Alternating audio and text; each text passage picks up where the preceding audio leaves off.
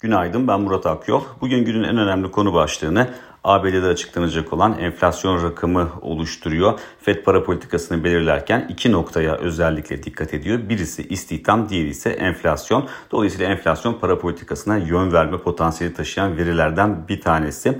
E, mevcut durumda beklenti enflasyonun 12 aylık bazda %7.1 olan enflasyonun bugünkü veriyle birlikte %6.5 seviyesine gerileyeceğine işaret ediyor. Tabii beklentilerden daha güçlü bir veri görürsek, daha yüksek bir veri görürsek bu kez e, piyasalarda baskı oluşma ihtimali söz konusu olabilir ama bunun tersi de geçerli. %6.5'ten daha iyimser, daha düşük bir rakam görürsek bu kez e, risk iştahının destek bulması söz konusu olacaktır. Dolayısıyla 16.30'da gelecek veri piyasalar açısından, küresel piyasalar açısından oldukça önemli.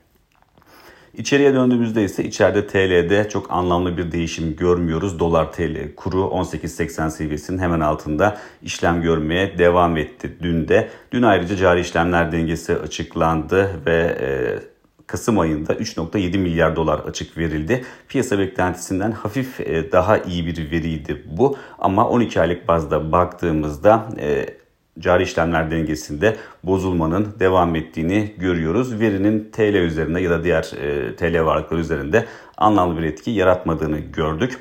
Borsa İstanbul'a baktığımızda ise Borsa İstanbul son dönemde oldukça yüksek volatiliteye sahne oluyor. Bu eğilimini dün de sürdürdü. Açılışın ardından BIST 100 endeksi %2'nin üzerinde değer kazanımını gördü.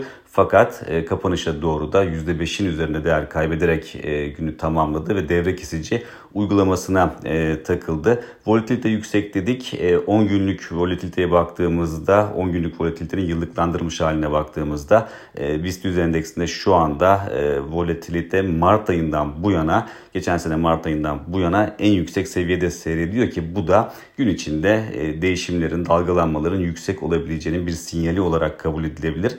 Teknik açıdan baktığımızda e, görünüm oldukça bozulmuş durumda. 4970 puan seviyesi kırıldıktan sonra zaten satışlar hızlandı. Bu nokta önemli bir noktaydı. Hemen arkasından da 4740 puan seviyesi geliyordu. Burası da kapanışla birlikte altında e, tamamlandı. Dolayısıyla e, 4970 ve 4740'ın e, altında kapanış yapılması teknik açıdan görünümü bozan unsurlar olarak öne çıkıyor. E, bugün bu seviyelerin üzerine çıkıp çıkamayacağımızı takip edeceğiz. Bu seviyelerin altında kalınması ise aşağı yönlü risklerin devam etmesi anlamına gelecektir. Bir sonraki podcast'te görüşmek üzere.